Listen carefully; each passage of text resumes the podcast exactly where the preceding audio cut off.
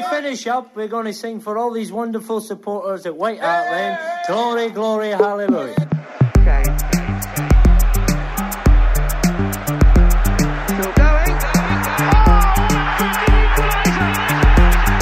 The local lad, the Tottenham fan, the remarkable story Harry Kane's season. Hi, I'm Loki King, and you're listening to the Golden Cockerel podcast. Godt nyttår, kjære Tottenham-venner, og velkommen til en ny episode av Golden Cockerel. Og eh, med meg i 2023 har jeg deg, Leif Konrad Borsheim. Velkommen. Hei, takk og godt nyttår. Godt nyttår. Eh, Lars Peder Karseth Hellerud, velkommen. Takk for det, Ole Andreas Olsen. Og Espen Frogestad, velkommen. Takk for det. I dag eh, har vi en del å snakke om. Eh, vi skal eh, blant annet ta for oss eh, hvordan det har gått etter eh, VM-pausen. Vi skal eh, snakke litt om eh, hvordan ståa er på eh, spillerlogistikken. Vi har også fått noen rykter om noe innblanding fra QSI. Og så skal vi se fram imot North London Derby på søndag. Hi, I'm Ledley King, and you're listening to the Golden Cockerel podcast. Ja, siden VM så har vi eh, spilt mot eh, Brentford borte, Aston Villa hjemme og Crystal Palace borte, eh, samt en hjemmekamp mot eh, Portsmouth i FA-cupen. Vi kan jo eh, ta det litt eh, generelt, da. Vi, I serien så har vi 1-1-1. Vi spilte uavgjort mot Brentford, tapte mot Aston Villa hjemme, og knuste jo Crystal Palace borte. Hva er det du husker best fra de siste ligakampene, Espen? Best husker du eh, andre omgangen på Sellers Park. Eh, der du sitter igjen med at eh, du kommer veldig positivt ut. Eh, litt tilbake til gode, gamle Tottenham under eh, Conte. Men så sitter du igjen med en enorm skuffelse i de to første kampene, kanskje, etter at de gikk inn i pausen med en boost. da. Det vi trodde var en boost. Vi snakket om det i forrige podkast, at de å slå Leeds 3-2, eller slå Leeds på den måten vi gjorde det, kom til å gi Tottenham en boost inn mot Boxing Day, og så gjorde de jo ikke det. Det starta jo egentlig der mye av kampene før, eh, før jul avslutta. Ja, det var vel 4-3 til og med vi Ja, 4-3 var det sikkert, ja. Eh, Stemmer nok. Ja, Lars Peder, hva eh, Altså, det er jo et dumt spørsmål, egentlig, men eh, laveste punktet denne sesongen, er det Villa-kampen, eller? Ja, det kan jo hende det er det. Det har jo vært noen lave punkter, men, men som en eh, kamp i, i sin helhet, så, så kan det jo hende det. Så var jeg jo veldig spent på hvor Tottenham ville stå etter den eh, VM, VM-pausen. Eh, tenkte jo kanskje at momentumet var litt nullet ut, da, da det hadde gått så mange uker uten Premier League-fotball. Men så føler jeg jo egentlig at eh, de tre kampene har vært veldig representative for hele sesongen til Tottenham. Du har den fryktelig svake kampen mot Aston Villa. Du har den si, halvveis snuoperasjonen mot Brentford, det har vi sett mye av. Og så har du en veldig god omgang mot Crystal Palace. Så det har egentlig vært en, eh, en rekke nå på, på tre kamper i, i ligaen som har vært veldig representativt for, for sesongen i helhet, syns jeg, for Tottenhams del. Men eh, for å svare på spørsmålet, ja, jeg, jeg tror vel den Villa-kampen kanskje er eh, et av bunnpunktene. Ja, hva sitter du igjen med, Leif Konrad? Ja, nei, altså, den VM-pausen ble jo ikke veldig god for oss. Vi startet opp med en Richarlison som er skada, en Bentancourt som er skada, en Kulusevski som ikke var fullt restituert, tydeligvis. Eh, Så det er klart at vi, vi, vi, vi kommer ikke akkurat styrka ut av det.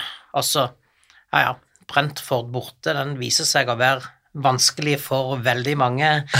Så, så det at vi, vi klarer å komme tilbake igjen der og, og nesten tar det på slutten med, med Kanes heading på, i tverrleggeren, er jo er jo bra, da.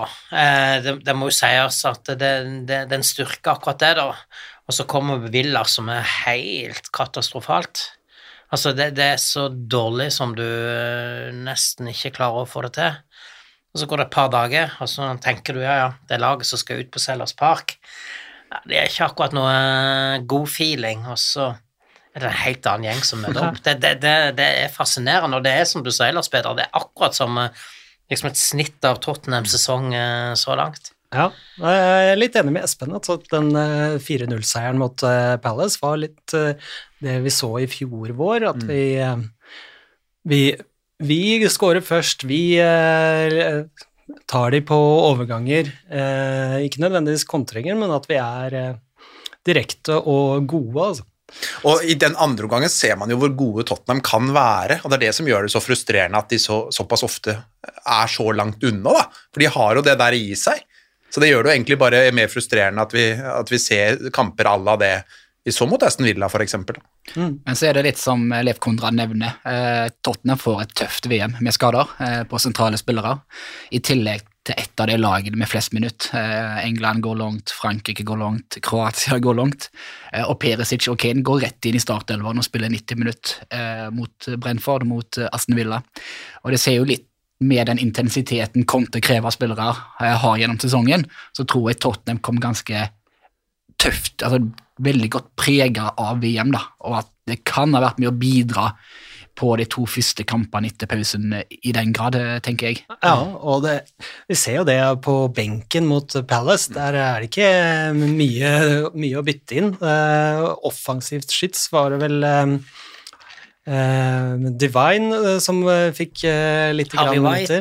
Harvey White. Det, han, ja, ikke sant? det sier jo det meste av det. Ikke sant? Når, når Lucas Mora òg er ute, så ja, Divine han kom inn på Ja. mot Portsmouth. Da. Ja, så, så, um, så, så er det litt tynt, ja. Og så når sånn i tillegg, da Ja, ja, nå, nå kan jeg sikkert ikke skylde bare på denne maska, for han, han har jo vært langt unna sitt vanlige nivå denne sesongen, men eh, men det hadde jo ikke hjulpet på på hans del heller at han må springe rundt med maske der han sier at uh, han ikke ser så godt. Men uh, jeg syns vi fikk et godt eksempel på sånn uh, mot Crystal Palace. Nå har Tottenham ligget unna ti kamper på rad før Crystal Palace, og da eh, er det Tottenham som må jage eh, mot en lavtliggende blokk. Da er ikke en sånn en veldig god fotballspiller. Men med en gang kampen åpner seg opp, så kommer sånn i sitt rette, rettere element. Eh, bakrommet det er han, som han kan jage, og du ser jo sånn kommer målet. Eh, med Kane som spiller han igjennom. Så sånn sin form har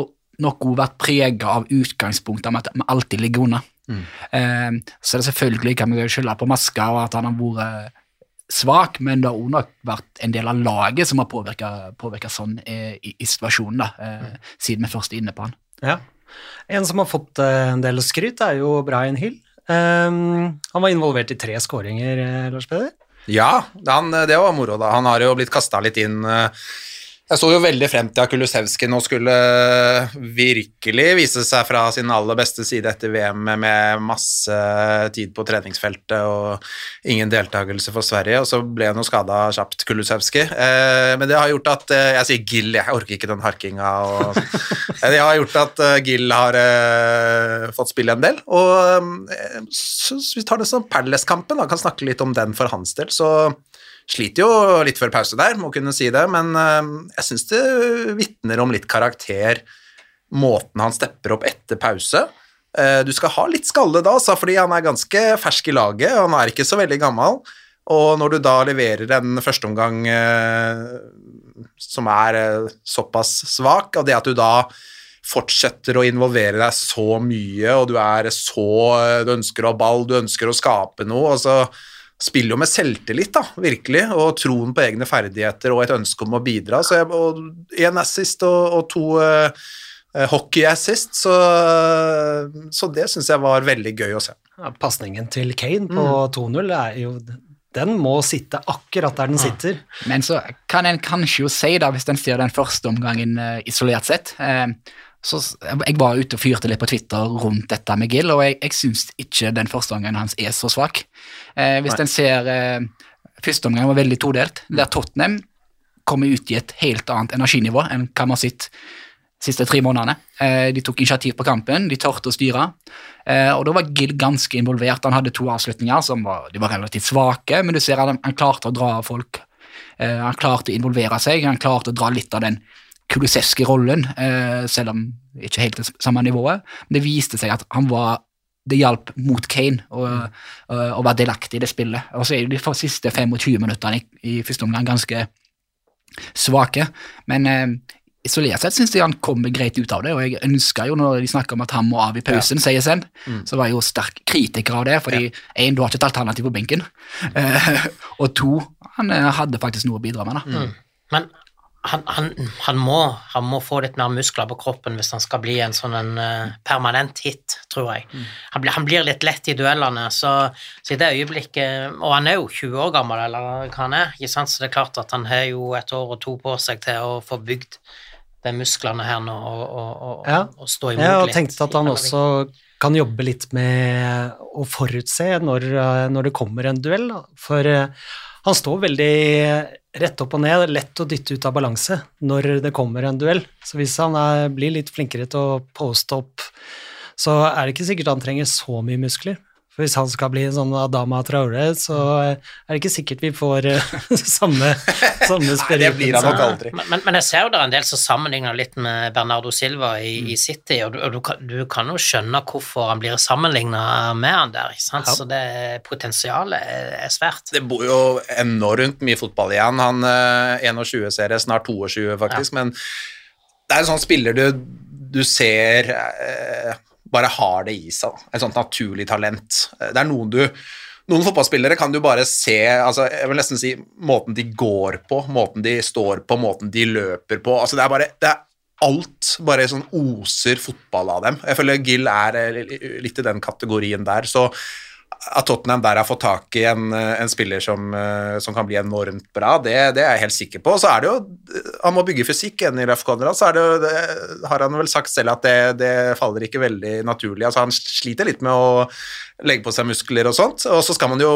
balansere litt det også. Han skal jo ikke bli en eh, Han skal, skal ikke legge på seg for mange kilo heller, han eh, må jo beholde litt det der lette, lette steget, så, men at, eh, at de har et, et kjempespennende eh, råprodukt da, å jobbe med der, og en, en spiller som eh, om et par år kan bli eh, wow, kjempegod i Tottenham, det, det tror jeg. Og det er jo kanskje litt sånn hell i uhell med skadene eh, nå etter VM, er jo at Conte har ikke alltid vært en en mann som satser på ungdommen og satser på unge talenter, men har blitt tvunget nå til å slippe løs Gill, slippe løs Sarr, og plutselig ser han de skal ikke ut på lån, det skal, det skal bli resten av sesongen. da.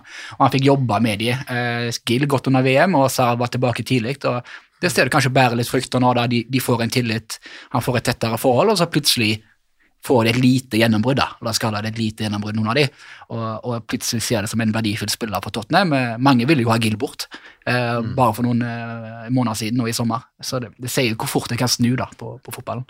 Ja.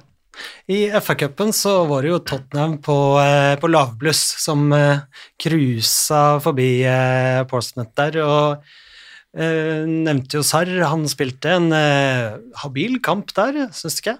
Jo, han vært, jeg syns han har vært bra nå etter pausen i de Hadde tatt de mulighetene han har fått, han, så, så en veldig eh, spennende spiller det, altså.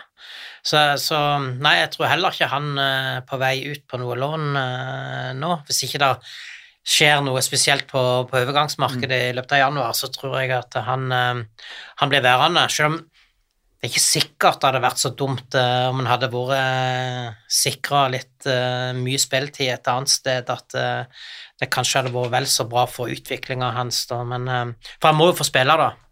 Ja. Og når Bentancour er tilbake igjen, så, og, og, og Høiberg Han er aldri ute, så, så det er klart at det, da kan det jo bli litt begrensa med spilletid. Men vi trenger jo en tropp. Vi har jo mye kamper nå hele våren. Han har vel passert Skip, da, i hvert fall, tenker jeg, i køen nå, uh, gjennom de prestasjonene vi har sett de siste ukene. Uh, så er det jo litt balansegang, det der, da, fordi at uh, han er jo fortsatt Jeg tror fortsatt han er bak Bizuma i køen, og da er han jo et fjerdevalg, ikke sant? Eh, Så det betyr at det, det vil jo begrense seg litt med spilletid. Bentancour er sikkert tilbake snart, får vi tro. Eh, Og han må jo spille regelmessig, men samtidig trenger jo Tottenham eh, De trenger jo i hvert fall fire Men klart, skulle de få inn en sentral midtbanespiller, det har vært litt snakk om Kessie f.eks., altså skulle komme inn en sånn, da, og han ender opp som et femtevalg, da, da tror jeg kanskje det beste er at han får et utlån, så kan han heller eh, skinne ordentlig fra høsten av. Ja. Da skal vi snakke om noe annet. Bale again. Oh! Unbelievable! Det var jo mye Harry Kane eh, i det siste, men det er en annen eh, Tottenham-favoritt som har eh, lagt opp i går, faktisk. Gareth Bale har lagt støvlene på hylla og tatt fram alle golfkøllene han har hjemme, og skal leve livet på golfbanen, tenker jeg. Og har spurt om hva dere syns er, Eller hva, sl- hva er deres beste Bale-minne? Um, og Espen, jeg vet ikke, skal vi starte med deg, eller skal vi starte med Jo da, Ja. eh, jeg har et klart øyeblikk jeg sitter igjen med. Eh, og det var, det var vel siste sesongen eh, på White Hart Lane. Eh, der Bale var vel eh, ja, utenomjordisk, kan vi kalle det det. Han redda vel Tottenham i hver kamp på den våren der, men det, det er siste hjemmekamp. Eh, I 89. minutt så drar han vel av eh, en av bek bekkene og bare smeller han i, smeller han i krysset eh, fra 25 meter. Eh, da var jeg på White Hart Lane. Eh, det var et enormt øyeblikk. Et, eh, det var et øyeblikk som var litt rart, fordi det gikk et rykte på stadion om at Arsenal lå under i Newcastle.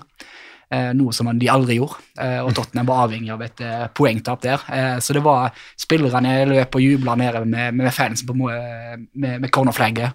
Og de trodde faktisk at Tottenham hadde tatt Champions League, men eh, det var likevel et så ekstremt sterkt. Det var da vi kom på fjerdeplass. Femteplass eh, kommer på. Det, og det er sesongen der. Siste sesongen til Det var ikke da Chelsea vant og Nei, riktig. Nei, eh, det var femteplass, og siste målet der er et enormt mål. altså Bare står helt i ro, og ei, ei finte, så ligger han i krysset. Eh, så det er mitt, mitt øyeblikk med Gareth Bale. Ja, det er mange, det er mange øyeblikk, altså det er vanskelig å plukke ut noen. Eh, Den skåringen helt på tampen mot Westham der, eh, var det ikke den 3-2-skåringen eller noe sånt nå? Hvor de, eh, det var vel siste sesongen hans, det var jo da han, han var jo bare helt ellevill. Var, det- var det den du mente, eller Espen? Ja, var, det, det- var det mot Westham du Nei, jeg Nei, tenkte nei, mot det var- det var- Sunderland eller så Sunderland. Stemmer, Ja. stemmer det. Ja. Sunderland. Nei, den mot Westham hvor det bare er Du bare ser liksom Det er bare å gi ballen til Bale, da. For at det, det er den perioden hvor han bare scorer eh, på alt og er helt Han er så god at eh, jeg har knapt sett maken. Og det, han ender med å få ballen, da. Det er desperate sluttminutter, og han får ballen på eh, det føltes som 30 meter, vet ikke om det var det, og måker han i mål, da, og de scenene med han stormen ut på, mot benken der og sånt. Kan jeg da følge opp med en quiz? Ja, Hvem hadde assisten? Det ja. vet jeg. Oh. Ja, for, for, for at han, han, ble jo, han ble jo akkurat i den, han ble jo klippa ned rett før. Ja, ja, ja. Sant? Han fikk ikke noe frispark, Nei. fordi at han hadde jo dette ryktet på seg på at han la seg hele veien. Og så, og så bare reiser han seg opp, og så får han ballen ifra Tom Carroll. ja, Ja, Tom Carroll.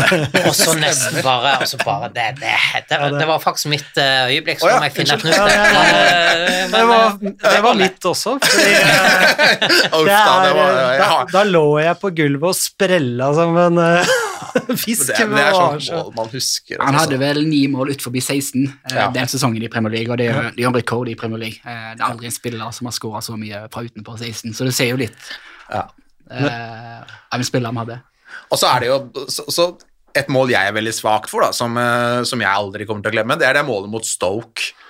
Med den eh, volleyen oppe i motsatt kryss der. Det er, fordi at Bale skårte jo Han hadde jo mange mål som var mye mer elleville enn det, ikke sant? hvor han har sånn maksfart over 60 meter og eh, runder Norwich borte. Ja, den, ja, ikke sant? Men den der skåringen mot Stoke, det er noe med kameravinkelen og hele greia, hvor du bare ser ballen, du kan følge ballen opp i krysset der.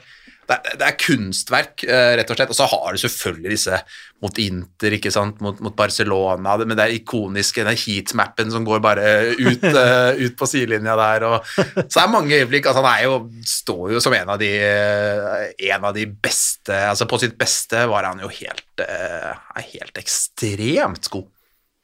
Ja, altså så Jeg husker også borte mot Swansea, eh, når Swansea var eh, oppe og yppa seg ganske godt. Eh, han og Fertongen kombinerte med to mål.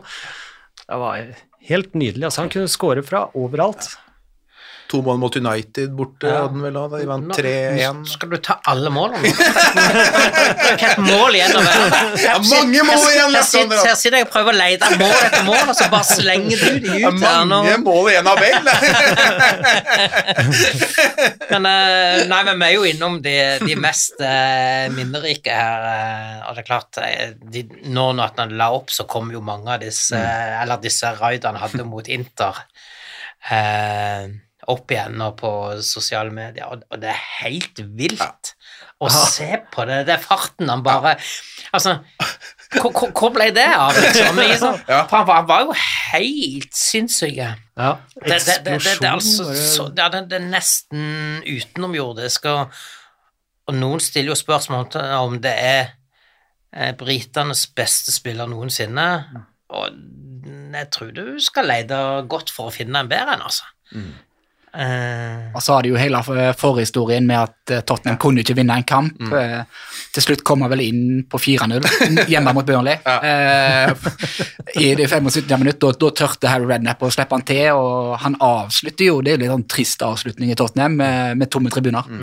Så vi fikk jo aldri oppleve det comeback i Tottenham, da, og det er kanskje noe du føler på, Ole André? Altså. Ja, jeg syns det var synd. Altså. Jeg tror, tror nok han hadde heva seg et par hakk med fulle tribuner der på Men ny jeg- stadion. Og, jeg bare lurer på, hvis vår alles kjære Mourinho hadde brukt han fra starten av, ja. hadde han da blitt værende i Tottenham, altså hadde og hadde han fortsatt da hatt en karriere? Ja. Eh, mm. ja, nei, det, det, det, ja, det, det, det er liksom what if? ja. eh, Vi har fått følelse. inn eh, ett mål til her på Twitter. Det er jo Sigurd Akre. Han eh, har eh, målet i Champions League-finalen mot Liverpool.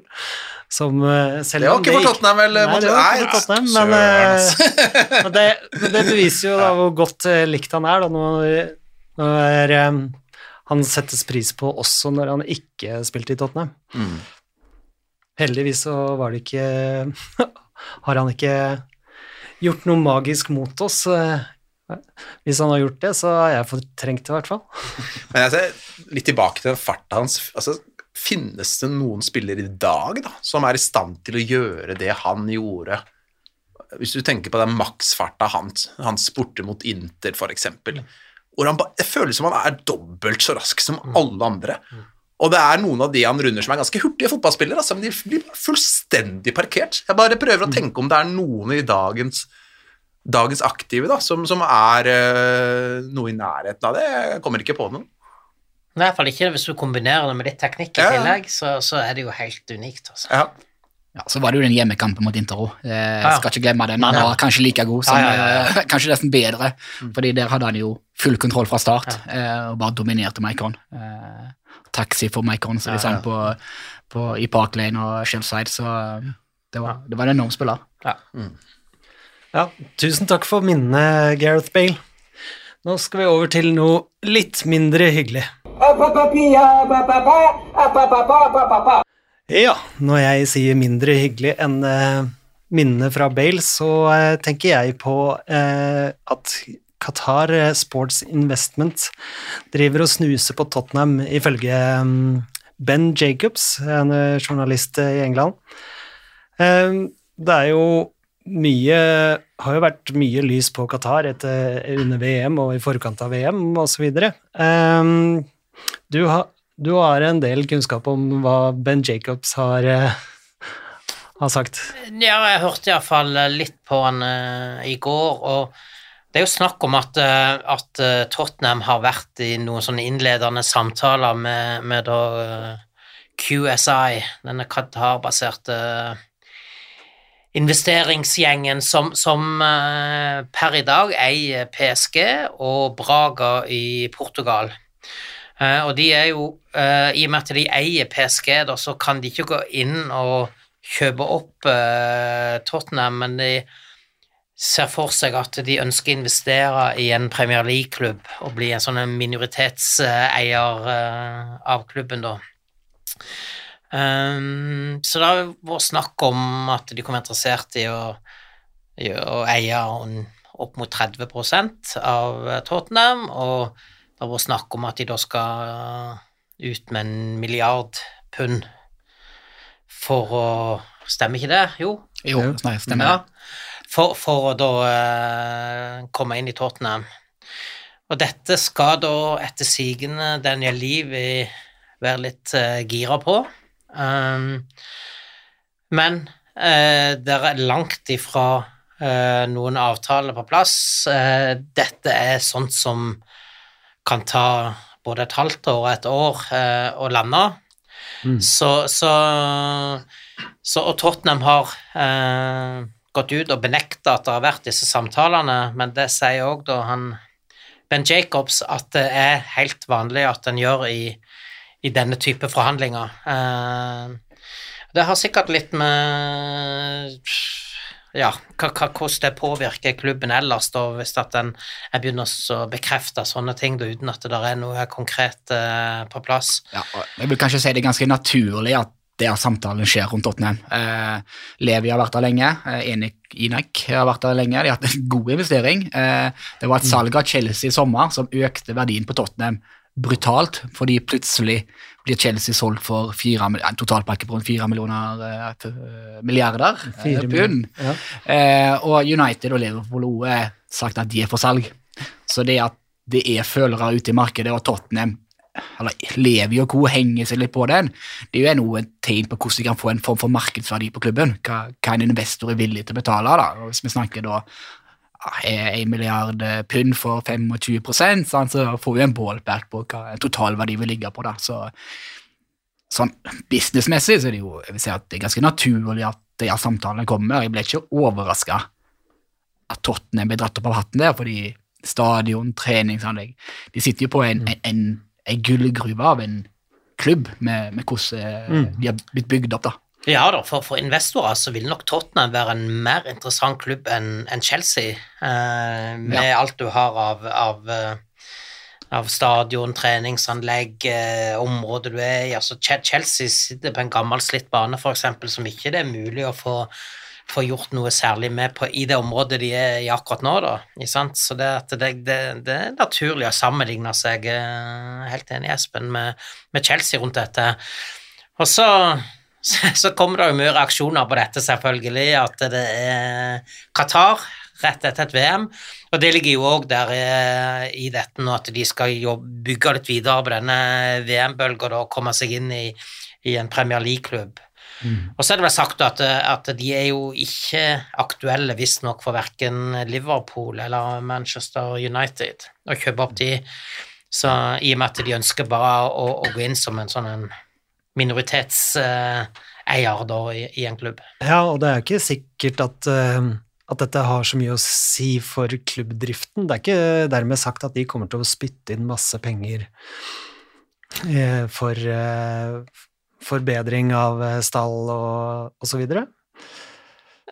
Ja, det vil jo være naturlig kanskje at, at det skjer, men, men, men, men, men det ligger òg en forventning hos QSI at de skal få noe avkastning av, av den investeringa si på et eller annet vis. Det er liksom ikke det er ikke type Manchester City, eh, City Group-opplegg med at du bare hiver penger ut og så har dette som et legetøy. Eh, Det er snakk her om at de, de enten vil ha eh, jeg skal si, investeringer tilbake i form av penger, at de skal tjene litt på, på investeringer, eller at, eh, at en får med, er med og markedsfører f.eks. Qatar som et eh, turistmål.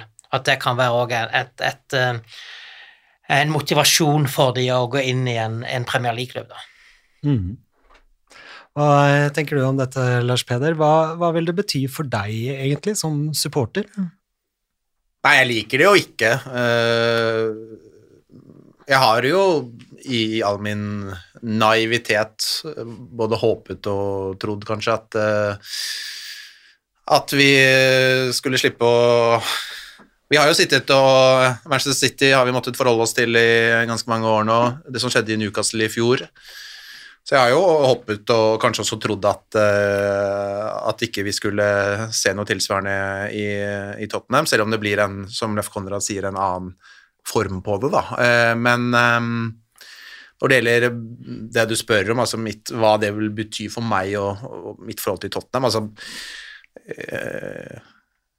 Jeg elsker drakta, jeg elsker logoen. Jeg kommer til å fortsette å heie på Tottenham.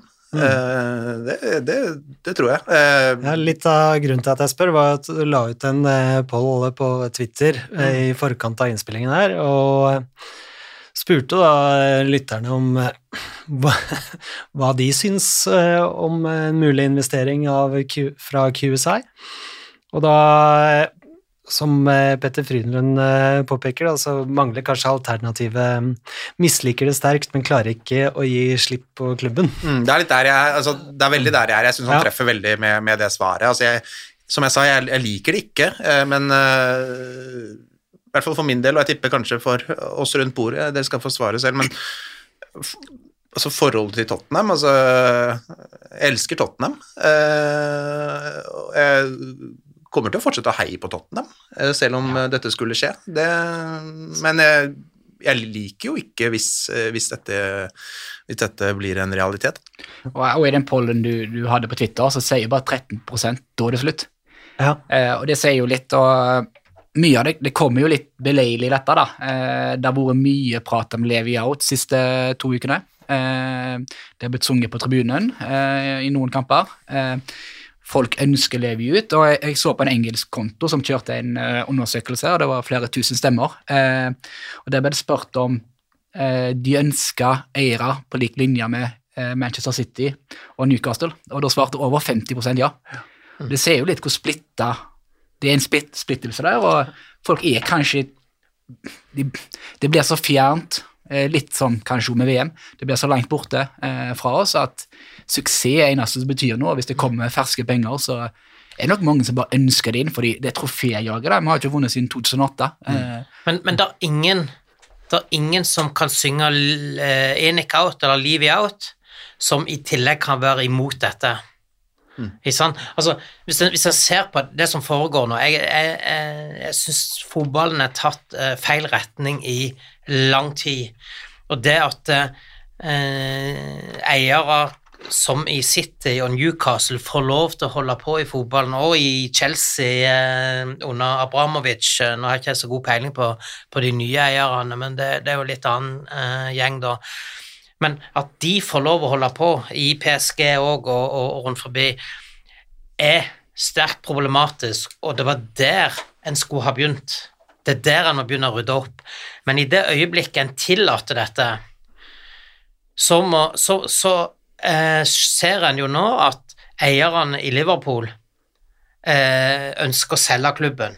Ikke sant? Altså, de går inn i sommer, bruker en milliard på en spiss, og så sitter Jamie Carragher i studio nå etter noen dårlige kamper og en for så vidt dårlig sesong til Liverpool være, og sier at nei, eierne må bruke to milliarder, de må kjøpe tre midtbanespillere, og de må minst koste 50 millioner pund hver. Ikke sant? Altså, det er jo ikke bærekraftig over tid. Ikke sant? Og da, du kan, det er jo ingen eiere som kan være med på no, noen sånne forventninger, og hvis ikke du har hvis ikke du leverer på det, så, så står fansen og synger at du må stikke derifra. Altså, det er jo ikke bærekraftig, og, og det bare går ikke lenger. Så enten så må du bare si ok, men da får vi bare joine de som, eh, de som gjør dette allerede nå. Hvis vi vil være med og henge med og prøve å vinne noe, så er vi med der. Eller så kan vi bare si at nei, men dette vil vi ikke være med på, men da må vi òg eh, tolerere at vi ender på både 7., 8. og 9. plass. Så eh, kan jeg komme med en liten anbefaling, da. Men eh, en podkast som heter The Extra Inch, eh, det hadde de en Levi inn og en Levi out-person som hadde en veldig konstruktiv debatt. Og det var vel egentlig konklusjonen at istedenfor å synge Levi out, kan de heller være med å påvirke Levi i riktig retning. Kanskje han ikke skal ha så mye sportslig påvirkning. Hvordan skal de dra Enik og Levi inn i en mer positiv retning, da, fordi eh, det er ikke sikkert de får til den Levi out, og det skaper bare negativitet rundt klubben. sant? Så det, det er litt hvordan en skal bruke på det, og skal vi kunne hevde oss, så ser vi jo ja, Newcastle kommer og bruker penger og alt, og hva tenker du der? eh? Ja, altså, så, så er det jo Man må jo som Tottenham-supporter av og til ta stilling til Levi out, Levi in. Altså, det er jo et tema, og det diskuteres. Men så syns jo jeg at det, for at man skal kunne ta en, en uh, ordentlig stilling til det, så, så for meg i hvert fall, så, så, så har det betydning altså hvem skal eventuelt komme inn for Levi. Altså for at det, det Ok, man kan godt mene ok, han skal ut, men, men hva, hva som kommer inn, er jo relevant i den levy out, levy, levy in, levy out-diskusjonen. Uh, og så er det jo snakk om her uh, et minoritetseierskap uh, på, på rundt 30% som Leif Konrad eh, sier, men, men det jeg syns er litt interessant òg, er at eh, eh, det virker på meg eh, som at eh, eh, de er mye mer positive til dette i England enn det vi her i Norge, da, for eksempel, er. Mm. det er eh, Jeg tror kanskje Og vi så vel kanskje det litt rundt VM i Qatar også, at det, i Norge, Nord-Europa Skandinavia, Tyskland, Skandinavia, Tyskland var jo de landene. Resten så Ja. var ikke det ne- nesten en ikke-sak. Ikke sant? Og jeg vet ikke hvor, hvor mye fokus det var, og hvor mange Altså i England sånn, men det var vel i hvert fall ikke i nærheten av hva vi så i Norge og, og Skandinavia og, og, og, Tyskland, og det, det gjenspeiler seg kanskje litt også i denne, i denne diskusjonen eh, rundt eh, QSI, og eh, det virker jo på meg i hvert fall som at de, de britiske supporterne, det er en stor prosentandel av dem som eh, som gjerne ser at dette blir en realitet, hvis det betyr eh, eh, pokaler i skapet i Jeg Nord-London. så jo hvor mye Newcastle-fansen feira når eh, eh, Saudi-Arabia gikk inn der og på eiersiden. Du kommer i hvert fall aldri til å se meg med sånn der eh, sjeikedrakt eh, hvis dette blir en realitet. Altså, det kan jeg ja, men vi har, eh, Men, men, men, men, men det bare, det bare, for meg er det bare et symbol på hvor galt det har gått med fotballen. ja. Men det er jo Altså- litt eh, det er liksom, Hva er alternativene? Eh, Det er et amerikansk investeringsfond. Eh, Det er noe fra Østen. Eh, Og så er det kanskje du, da, du kan ha flaks, at du finner en mellomting som virkelig er interessert i å utvikle Tottenham og regionen og alt, men det tror jeg nesten er urealistisk. Eh, Det er folk som skal inn og tjene penger. Eh, De ser eh, det kommersielle rundt Premier League, det det kommersielle rundt Tottenham med NFL, konserter, boksing. Det er jo blitt en det som kan bli en cash cow da, for, for et investeringsfond. Og så skal vi trekke seg litt tilbake og si at eh, Joe Louis, da, som er i Tottenham, han er, han er ikke helt fri for snusk, han heller. Selv om de er mye bedre enn mye av det andre Ja. vi ser. Så eh, personlig da, så er det ekstremt vanskelig å si at jeg kommer til å slutte å følge Tottenham.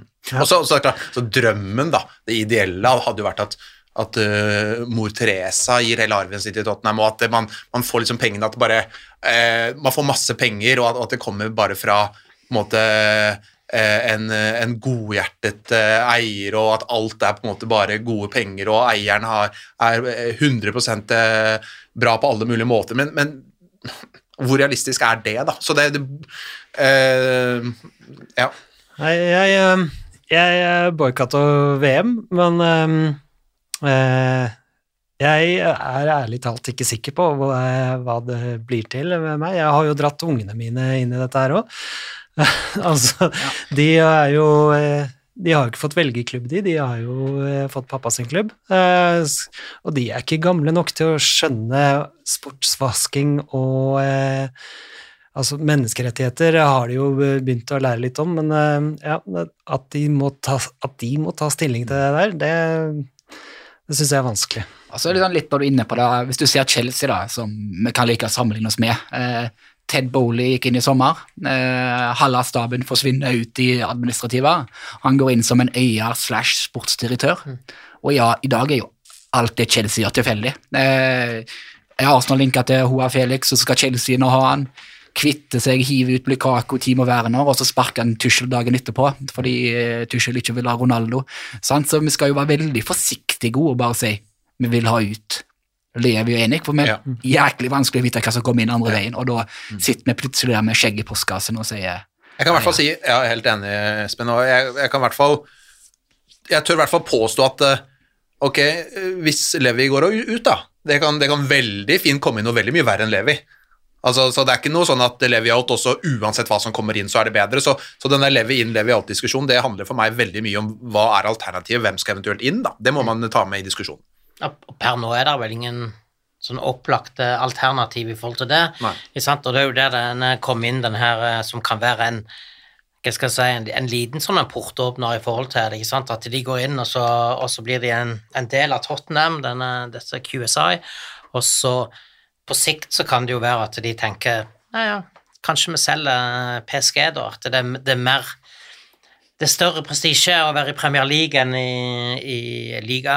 Så, så, så, så på sikt kan en kanskje se for seg da at de vil kunne gå, gå inn og, og overta Tottenham, ikke sant? Og da da blir det sikkert eh, enda verre å ta stilling til om en skal følge Tottenham eller ikke. Men, men igjen, det, det, vi burde aldri kommet i den situasjonen at en må sitte her og lure på om en skal slutte å følge klubben eller ikke. Um, og det, og det, er sant, og det, så der burde det ha vært noen eh, fotballmyndigheter som hadde satt en stopper for dette for lenge siden, men, men nå, er, nå er verden sånn, så det Ja. og, og, og det er helt umulig å konkurrere nå mot City og på sikt Newcastle spesielt, Uh, uten at du på en måte har en sånn en backing i ryggen. Men Da må en roe forventningene som Tottenham-supporter og si at, som Conte sa uh, Det var kanskje litt bitterhet og litt taktisk, han er god på å bruke media, men han sa enten da må vi legge forventninger om at vi skal kjempe om fjerde, femte, sjette og sjuendeplass, og vinne Premier League et helt utopi, eller vinne FA-cupen eller Ligacupen, for da det er nesten et valg en må ta med å, eh, opp mot forventningene våre. Da, jeg vet, eh, Ole Andreas, du ønsker vel et trofé, så det, det, det er jo et sånn personlig eh, tøft valg, da. Ja. ja, jeg har jo helst lyst på noe à la det vi fikk i 1991, så um, noe med litt uh, schwung. Jeg, altså, jeg kimser ikke av ligacupen, altså, det gjerne den, men det, der er vi ikke med lenger. Og så tenker jeg også at jeg, jeg tror nok mange vil altså, Det er veldig forskjellig hvordan folk vil forholde seg til dette her. Noen, eh, som de, du sa på den undersøkelsen eh, på Twitter, så var det 13% som sa de, da er det slutt. Ikke sant? Og da tenker jeg ok, det må vi respektere. Noen eh, heier kanskje på dette. Noen er litt, eller mange kanskje, er litt der vi nevnte at eh, vi misliker det sterkt, men eh, kommer til å fortsette å heie på Tottenham. Så tenker jeg at eh, man, man skal i hvert fall ikke prakke på andre hva øh, folk skal bestemme seg for. Altså, jeg tenker Folk må få lov å, å ta sitt valg rundt dette her, uten at man skal uh, bli prakket på og, øh, og pressa og pusha til det ene eller andre. Jeg kommer til å fortsette å heie på Tottenham og se kamper og, og, og heie på drakta og logoen. Det er liksom det som for meg er, er øh, Tottenham. Uh, men når det er sagt, jeg misliker det, men uh, jeg kommer til å fortsette å heie på Tottenham. Og det er jo litt som eh, status er i dag, da. Eh, det er litt gøy å kunne si som Tottenham-supporter at eh, vi er videre i Champions League, eh, kjemper om topp fire, eh, har vært kjempe om ligatittelen de siste ti årene, uten et stor pengesekk i bakgrunnen. Eh, det har bygd naturlig eh, over tid, eh, og klart å på en måte komme seg inn først i topp seks, og så i topp fire, uten tilskudd av penger. da. Eh, og det er, måte, det er jo en del av identiteten og at Tottenham har klart det. da. Eh, uten en City Way og Newcastle Way. da. Og, og du ser jo Newcastle, Everton, Aston Villa, eller Everton da, og Aston Villa har ikke fått det til. Det er klubber vi egentlig skal sammenligne oss med, eh, hvis du ser litt sånn historisk de siste 30 årene. Og, og, og, og det, er jo, det livet får eh, kritikk for, eller det som har skjedd under Enik, er at vi, vi, vi vinner ingenting. Ikke sant? At vi sitter der og, og har gått omtrent lengste tida i, i klubbens historie uten å vinne noe. Men, men hvis, en, hvis en både ser hvor klubben var hen når de overtok, og hvor de er henne nå, eh, eh, så, så, så, så, har de jo tatt eh, milevis av steg, samtidig som det aldri vært eh, vanskeligere å ta en tittel. Nettopp fordi at du sitter og konkurrerer mot eh, eh, klubber som har en utømmelig eh, pengebinge. Det er paradoks. Det er det. Ja, sant? Så, så, så det, det å vinne titler nå er, er faktisk eh, mye Hva skal jeg si En mye større prestasjon enn Ja. en det var for 15-20-25 år siden. Og det gjelder jo cuper òg. Altså, eh, for en 20-25 år siden så, så kunne man jo si, fint vinne en cup. I dag så møter du med ganske stor sannsynlighet et eller annet kanonlag da, som har de der eh, City har vel vunnet fem av de sju siste ligacuper, Ja. som kanskje har vært det letteste trofeet å vinne. Ja. Det sier jo litt om eh, når du møter City i en, eh, en finale, så Ja, for det, på et eller annet tidspunkt så møter du sannsynligvis sånn enten City, Liverpool, Chelsea, noe sånn greier, og selv om det, så ligaen, som du sier, er jo på en måte vil jo være nesten umulig å vinne, sånn som ting er i andre klubber. Men eh, selv disse cupene, da, når du har disse lagene og møter dem som oftest på et eller annet tidspunkt, så, så blir det også fryktelig vanskelig, sånn som det har vært og er nå. Ja. Um, Roger Sagvåg, jeg var jo inne på eh, det du snakka om, eh, Espen, at, eh, at det er, virker som det er større uh, motstand mot dette i Norge enn i England. Eh, Er det fordi at vi er politisk korrekte i hermetegn? Eh, Det tror jeg kan godt være. Eh, Litt eh, hva folkeopplysning vi driver med i landet nå, eh, tror jeg kan være litt annerledes i Skandinavia, og eh, hvilke holdninger vi har i Skandinavia generelt. Da. Du, du så det litt under VM, for du kan dra litt parallellene til hvor boikotten var størst. Så var det i Nord-Europa pluss plus Tyskland, så jeg tror nok det, det er et ganske sentralt poeng, og eh, ja Det er da vanskelig å si, men eh, det er nok en eh, Det ligger nok noe i det, det, det spørsmålet der. Mm. Vi eh, skal ikke ta hele eh, Levi in, Levi out-diskusjonen her, det skal vi spare til eh, en gang senere. Eh, Så vi går videre. Hi, this is Graham Roberts, and I'm listening to the Golden Cockerel podcast. Eh, Det er januar, og det betyr at det er et overgangsvindu som er åpent. Da Nå er det jo veldig frem og tilbake hvem vi blir linka til, bortsett fra Pedro Porro, som eh, er eh, mange ganger daglig. Men eh, så Rykte kommer, rykte forsvinner. Vi skal nok heller ta en egen eh, Deadline Day-sending. Men eh, vi kan kanskje snakke litt om der hvor vi tenker vi trenger forsterkninger. Eh, Der vet jeg at du har en mening, Lars Peder. Ja, jeg har jo noen ønsker om eh, posisjoner.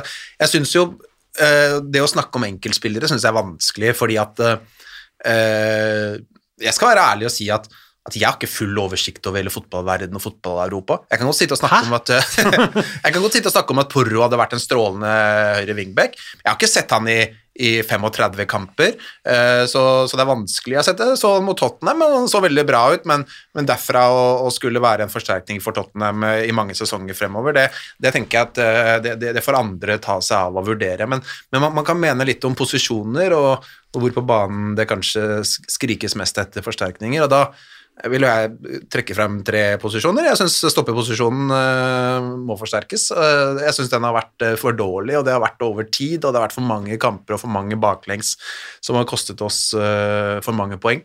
Eh, så jeg ser veldig gjerne at det, det hentes eh, en der, og så skjønner jeg at det kanskje er vanskelig å eh, finne noe eh, permanent langsiktig nå i januar, så kanskje skal man se etter én som kan gjøre en god jobb frem til sommeren, og heller noe, noe tyngre signeringer eh, i sommer.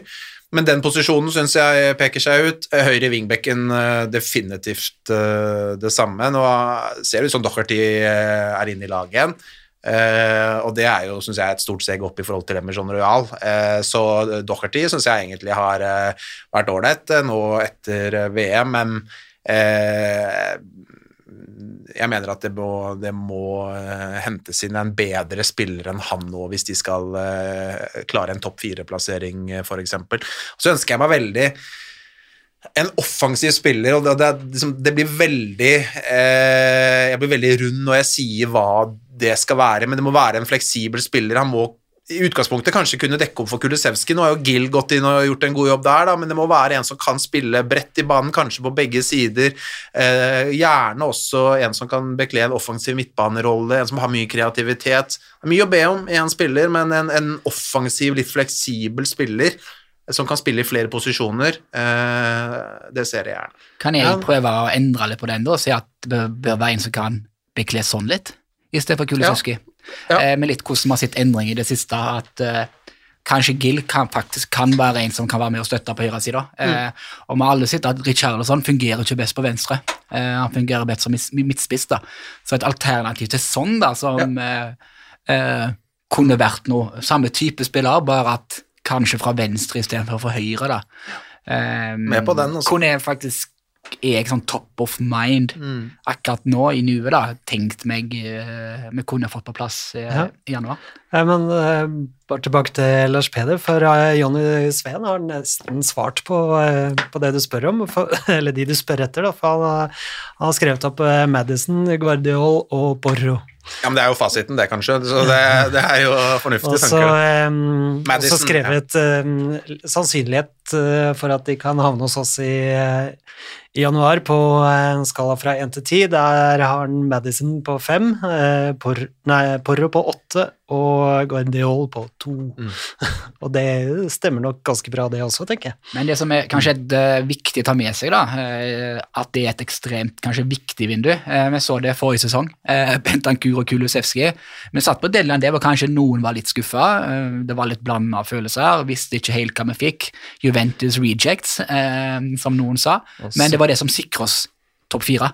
Så det kan jo bety alt. United har ikke så mye penger. Arsenal eh, satser, Chelsea satser. Så det, det, det setter jo et press på uh, Levi Paratici og og Tottenham om at det kan bety to poeng ekstra, og det sikrer Champions League, og det er verdt mye mer enn Pedro Poro. Uh, en Champions League-billett. Så det er, jo, det er jo noen valg som skal tas, da. Eh, Definitivt. Og jeg tror også det, den ene, de to spillerne altså Hvis man treffer på den, så kan det være to, to plasser opp på tabellen. så det, Vi så det i fjor, som du sier. Også, og der er vi litt inne på i fjor, da, med Kulusevski og Bentancour. Altså, da vi gikk inn i januar da, i fjor eh, Jeg sa jo nå at det er vanskelig å vite liksom, å mene for mye om hvilke spillere eh, er det som Tottenham bør hente, og hvem vil være de beste å få tak i og sånn. Og jeg, jeg skal veldig gjerne like å se den tweeten da, fra sånn slutten av desember 2021 med han eller hun som, som mener at gå for Kulusevski, gå for Bentancour. vi snakker om Adama Traore. ja, ja, vi gjorde det. Gå for Kulusevski, gå for Bentancour, så da, da blir det topp fire. Så det, det viser jo hvor, si, hvor vanskelig det kan være å spå litt sånt. Mm.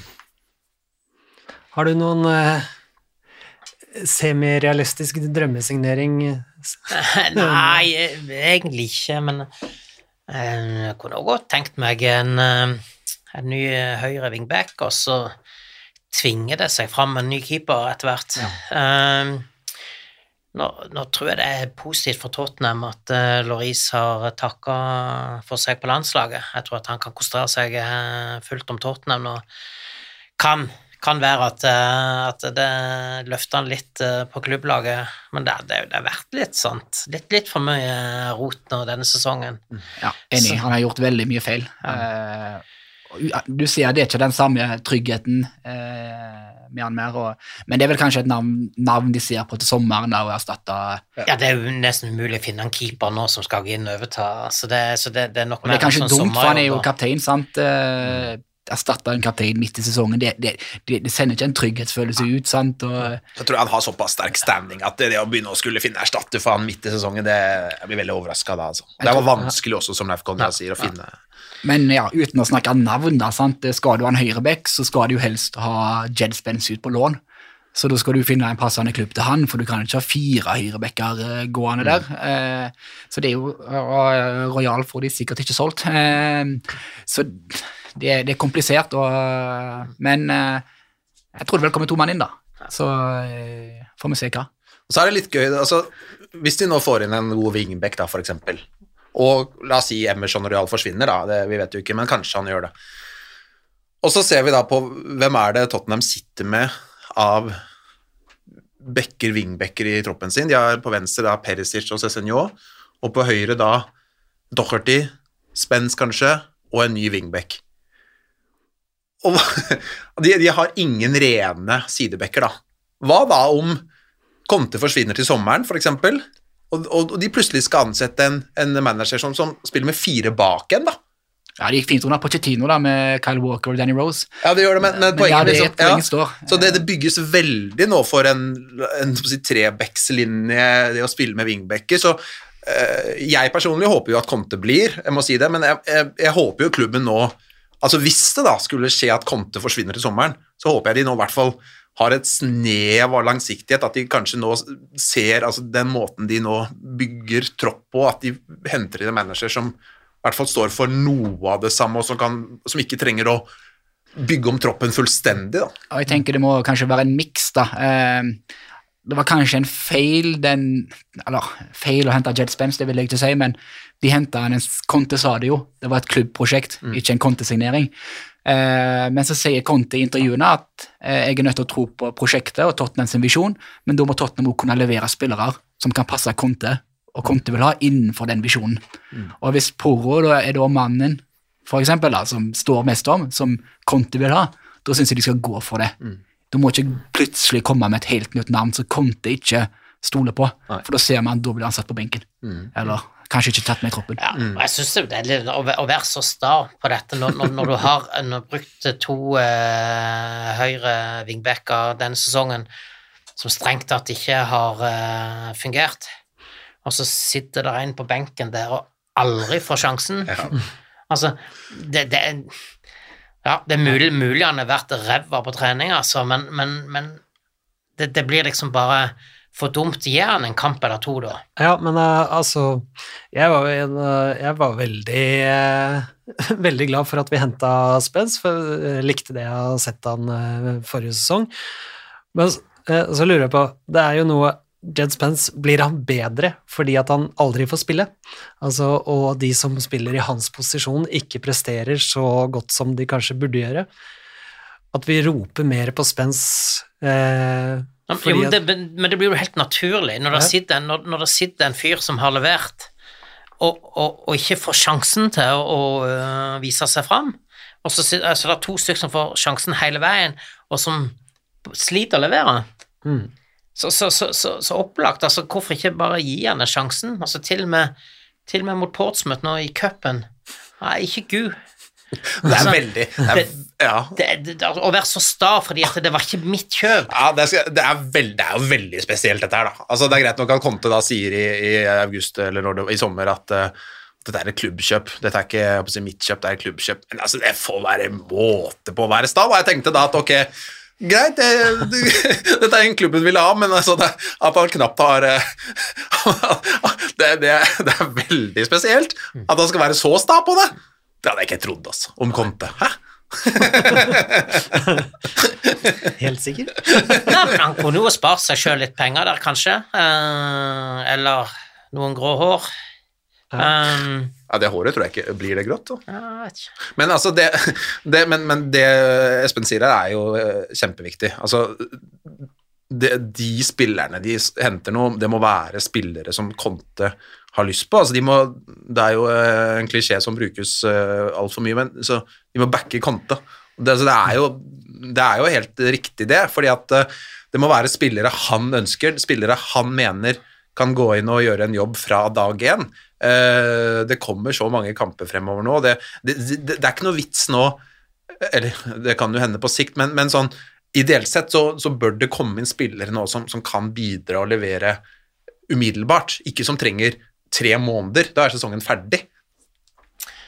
Men da er vi jo over i dilemmaet igjen, da. Vi bruker en halv milliard på Pedro Poro, og så kommer vi til juni, og så sier Conte nei, jeg, jeg gidder ikke mer. Reise tilbake til Italia. Eh, og så sitter vi, og så har vi bundet opp eh, Brukt mye penger i januar fordi at vi skal backe han. Eh, vi sitter på noen spillere som kanskje en ny manager ikke er så gira på. Vi har bundet opp et lønnsbudsjett, eh, et transferbudsjett, og så sitter vi litt som er i situasjonen akkurat nå, med at vi har en Dombele på lån, vi har Regilon på lån, vi har uh, Lo Celso på lån. Vi blir ikke kvitt de. Nei, og så neste sommer, da, eh, hvis du henter en høyrebekk nå, så sitter du med åtte bekker ja, det i stallen. Du sitter med fire, fire på hver side. Destiny kommer fra uh, Udinese. Du, du kan ikke sitte med åtte stykk, du skal ha fire eller fem, sant? um, Så jeg skjønner jo at på, på et eller annet vis, men, men det er litt sånn vanskelig, for det at ja, ja, hvis ikke vi backer Conte, så er sjansen større for at han stikker. Men hvis vi gjør det, og han likevel stikker, så, så er det klubben som sitter igjen eh, med svarteper her. Men, men tror vi at det er så i det blå og ukjent for Livi og klubben om Conte forlenger eller ikke? En ting er at vi ikke vet, og vi er jo spent, men altså, jeg blir jo ikke overraska hvis hvis, hvis Conte sender noen signaler og gir det altså, jeg, jeg vil jo tro at han De snakker snakker, sammen. jo sammen. Ja, så, du hører intervjuet med Stellini, Ja. eh, assistenten etter kampen mot Portsmouth, og de snakker som et prosjekt, ja. eh, og at de skal være. Eh, men da er det kanskje mer den tryggheten vi ønsker i at signer den kontrakten. Ja. Eh, og så kan jo Tottenham bare forlenge, eh, men hvor mye har de å se si? Conte stikker mm. hvis han ikke gidder. Men jeg, synes, jeg sitter, personlig sitter igjen med en følelse av at Conte ønsker å bli og ønsker å få det til. Man trenger å se litt grann velvilje. Ja, og det, det, det skjønner jeg jo, men det der at det skal være sånn Jeg kan jo ikke tenke meg at det er på den måten at livet går hver dag bort til Conte 'Skal du bli, skal du bli?' Og så Conte 'Nei, jeg sier ikke noe, sier ikke noe, du får vente til mai'. Altså, det, er, det er ikke sånn det funker, tenker jeg. da. De snakker jo sammen, og det kan godt hende for alt, alt vi vet, så kan hende vi vet allerede nå om Conte fortsetter eller ikke. Altså, Ja. han, jeg tipper i hvert fall livet vet mer enn oss, da. Ja, Det håper jeg. Vi, eh, vi må eh, haste videre, vi, for vi har en eh, viktig kamp vi skal prate om. Hi, I'm Ledley King, and you're listening to the Golden Cockerel podcast. På søndag så er det sesongens viktigste kamp, hjemme mot Arsenal, erkerivalen North London Derby. Du skal over, Leif Konrad. Ja, det blir uh, interessant. får Jeg, vel bruke den. jeg håper det blir gøy.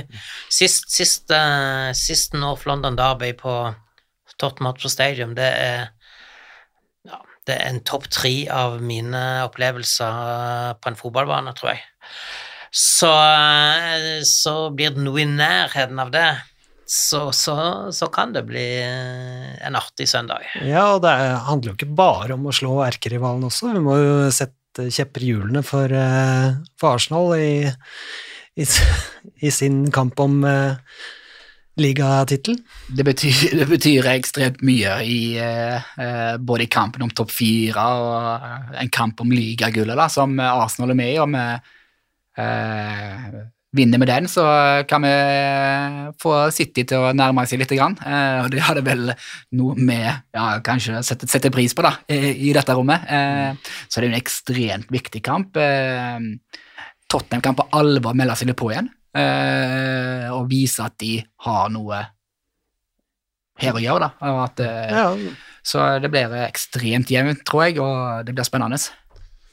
Jeg syns det er så slitsomt med de der kampene der, altså. Det kommer til å bli, kommer til å bli eh, tøft. Arsenal har vært uh, kjempegode den sesongen, og uh, Tottenham må virkelig levere. Men det er jo en sånn kamp eh, Hvis Tottenham skulle eh, gjøre en skikkelig god forestilling der og, og vinne den kampen, så kan jo det virkelig kickstarte del to av sesongen, da. Uh. Så ekstremt mye på spill på, på alle mulige måter for, for begge lag, og Tottenham har jo et bra grep på Arsenal hjemme, så Eh, Jeg tror Tottenham har en eh, mulighet der, men, eh, men de er nødt til å steppe opp og være, være med i 90 minutter der, Tottenham, fordi eh, de møter et bra lag.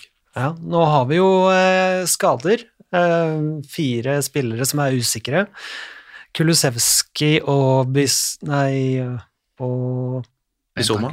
Bizoma. Ja, Bizoma. De var på trening i dag. Bizoma var eh, Han eh, sto over mot eh, Portsmouth, men eh, det var ingen eh, Bentancour eller eh, Richarlison å se.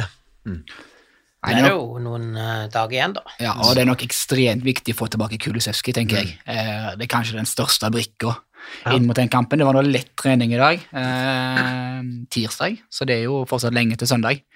Eh, så jeg tror vi må bare krysse fingrene, og kan nesten håpe at Tottenham holder tilbake litt da, rundt eh, Kulusevski, eh, gjør Arsenal litt usikre, og hvordan de forbereder seg da, fordi eh, det blir jo et eh, det blir et oppgjør, og det, det er litt kult nå igjen da, at eh, når Arsenal seks sesonger kom bak oss, egentlig ganske langt bak oss, eh, og det var litt gøy i forrige sesong å bare kjenne litt på den, den rivaliseringen da, og det betyr litt ekstra å slå de, fordi eh, det handler om et topp fire, det handler om et seriegull, eh, og alt det der, det, er litt annet enn å havne 15 poeng foran og bare vinne 2-0, og det var walk in the park, selv om det er gøy, men som Leif Konrad sa, det var topp tre-opplevelse, og den får du kun med at det er noe skikkelig å spille om. da.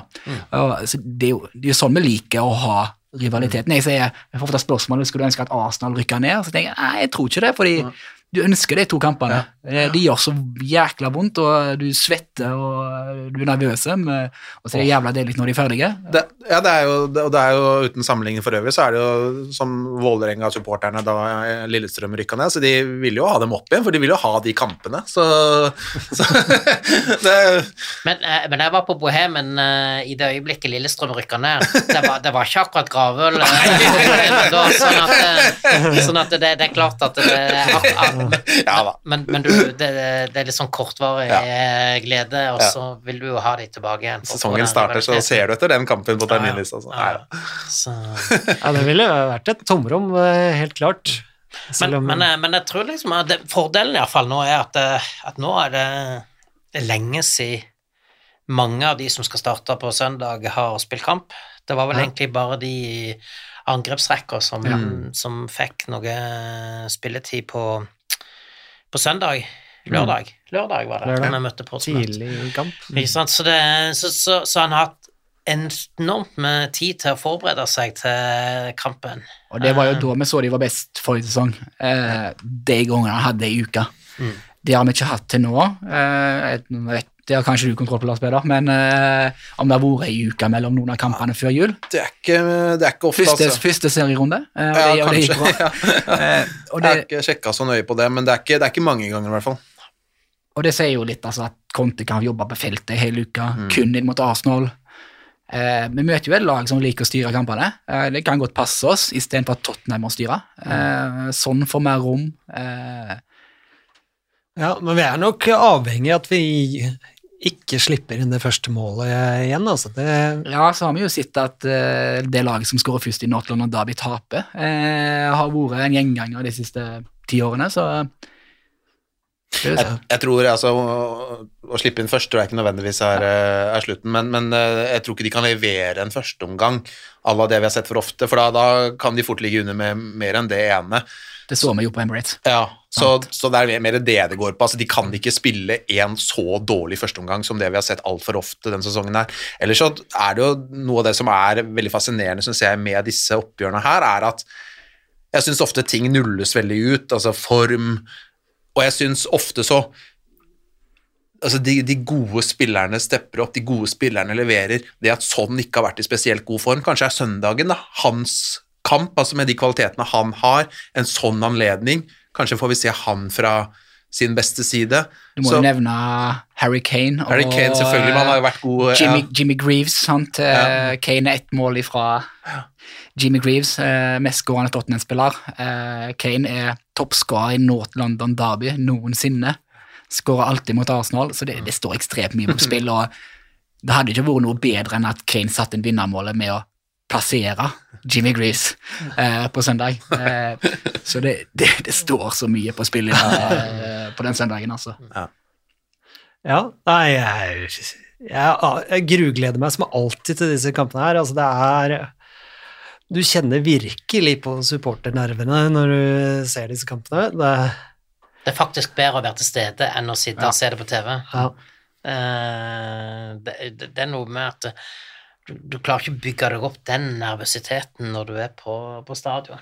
Så, så jeg vet ikke om det er pubbesøket før eller andre ting som, eh, som bidrar til det, da. Men, men i hvert fall kjenner jeg på det. Jeg syns det er mye verre å sitte og se kamper på TV Ja. enn å være til stede. Så Ja, så er det jo, eh, har jeg sett litt rundt på Facebook og Twitter at eh, folk skal møtes i Bergen, skal møtes i Stavanger på pub, de skal møtes på Bohemen, da, så kan jeg oppfordre folk da, som er i nærheten og ønsker den tilhørigheten, så finnes det folk, eh, Tottenham-supportere, som samles for, å- for å se kampen, da, så det er jo for å få litt av den følelsen rundt det. Eh, så er det jo, merker at det er godt Tottenham-miljø, og det er litt eh, engasjement rundt det. Nå var det vel ny rekord, medlemsrekord. Ja. Den ble tatt her om dagen, ja, så det er jo Det er et oppløft rundt Tottenham, da, hvis du sier det Ja. sånn her i Norge også, så Vi var oppe i en overkant, rett i overkant av 6000 medlemmer, så vi bikka det med én eller to trinn over tidligere rekord. Så det er veldig, veldig hyggelig. Ja. Og hvis det er sånn at du skulle ville se fotball på pub sammen med andre, men ikke helt vet hvor, hvor eh, Tottenham-supportere samles, så bare send inn en melding til oss, så skal vi hjelpe så godt vi kan. Kan du sjekke ut tottenhamsvenner.no eller tottenhamhotspur.no, så skal det være en oversikt der òg, over stedene. Mm. Hva tenker du da, Ole Andreas? Har du et eh, resultattips? Oh, Det var litt stille her borte, så vi må sette det litt på eh, pinebenken.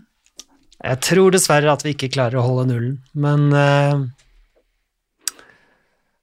en, eh, en 4-2-seier. Oi. Ja, ja. Oi, oi, oi. Du skal leve med to baklengs da.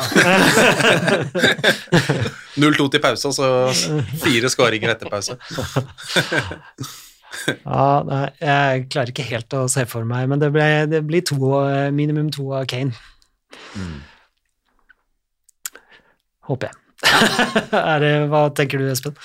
Uh, jeg tror Tottenham vinner, spesielt hvis Kulusevski er tilbake. De uh, vinner 3-1, Uh, kontrer inn et mål på slutten. Uh, så tar kanskje Tottenham ledelse nå 1-1 og jevnt, og så får vi litt Kane-magi eh, som eh, sender oss til himmels.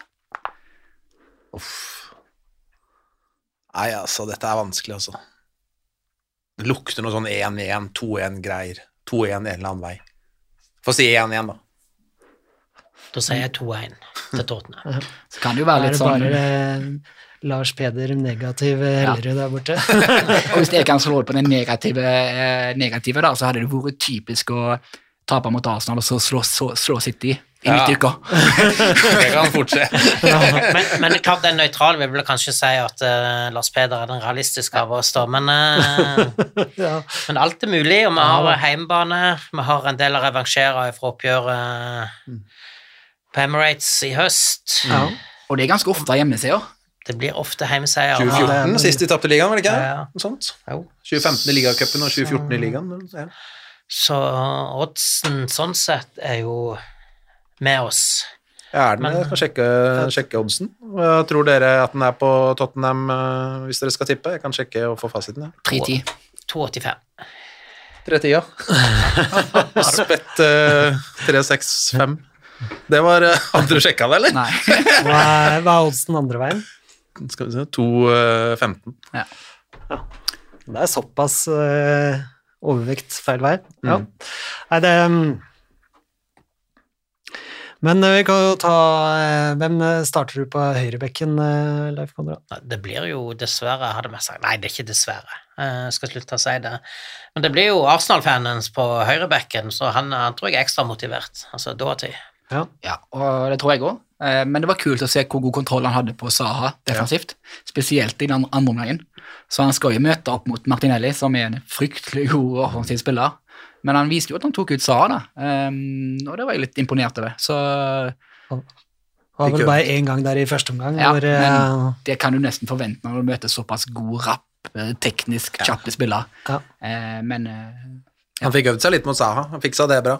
Da fikk han en positiv opplevelse. Eh, og jeg synes eh, når han nevner Doherty, da, så har han vært litt frisk offensivt. Eh, mot Brentford var han ganske mye framme og nede og skåra. Eh, Skårer mot eh, Palace. Eh, så de, han, han er litt tilbake der eh, Har litt sansen for dere, ja. Er det Han lov å var si, litt tilbake der han var i vår. Syns altså. han er ålreit, ja. Eh, Du rister litt på huet, Leif men Ja, nei, jeg- altså Det ble jo sagt her tidligere at uh, Altså, vi er ikke et eh, permanent topp fire-lag med, Nei da. med så Det er mulig man bare har blitt så dårlig vant med Emerson og sånn, men jeg syns han kommer seg i Ja, ålreite posisjoner. Jeg tror han er et fint uh, Altså, jeg tror han, han er en viktig mann inn i spillergruppa. Jeg har inntrykk av det. At, Ja, du ser det er viktig for Kane og gutta der. Og, Ja, så, så, så for all del, altså. Men, men jeg tror vi må oppgradere den Ja eh, ganske absolutt. kjapt nå, for hvis Ja. vi skal Ja.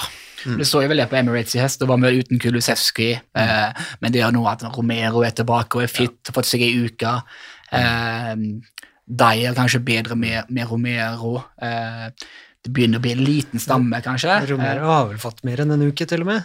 Ja, ja, men jeg tenkte siden eh, ja, halvannen uke da, siden Ja. forrige, forrige kamp. Da, så det begynner å se litt bedre ut. da.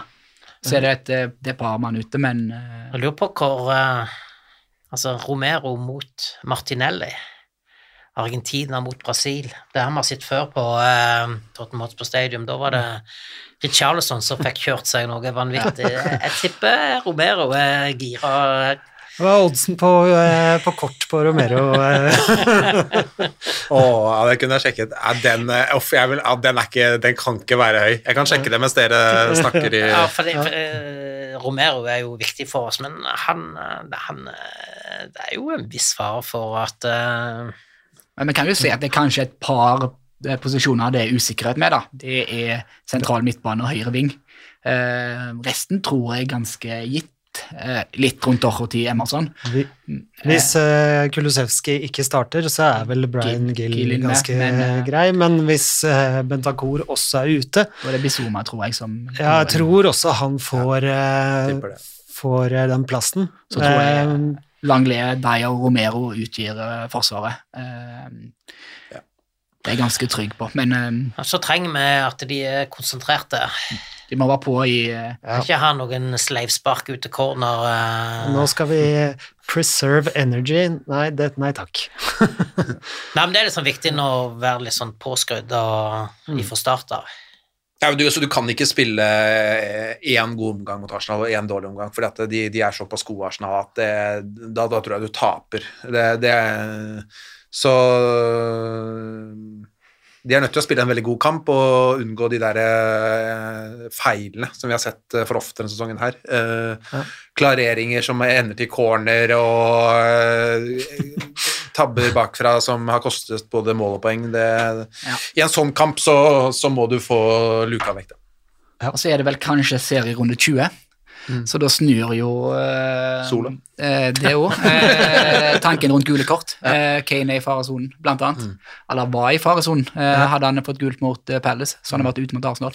Eh, men nå, hvis jeg ikke tar feil, så er det runde 20, så det gjør jo at Det- eh, er Game Week. ja, det er, game, det er kamp 19, men eh, Ja. med en utsatt kamp fra eh, Så hvis han ikke får mot. Arsenal, så er det nulla ut? Eller er det ikke Nei, den City-kampen? ja. City-kamp nå hvor Jeg tror han skal være nulla ut, hvis jeg ikke tar feil, eh, etter Palace. For det er Game Week 20, hvis hvis jeg tar Ja. Det, så da, Så, det, så det, han tåler et gult kort og tåler, tåler den, og Ok, jeg trodde Ok. Ja, Men det- ja. skal ikke arrestere meg på det, men eh, ja, det kan godt hende det er riktig. Jo, jo. Hvis uh, finner ut at Espen har tatt feil, så bare la han høre da tror jeg vi sier at det er eh, nok for i dag. Tusen takk, gutter. Takk for at du kom, Espen. Jo, Takk til deg, Lars Peder. I like måte. Og god tur, Leif Konrad. takk. Det blir, eh, det blir gøy. Ja. Da avslutter vi med Come on, you Spurs!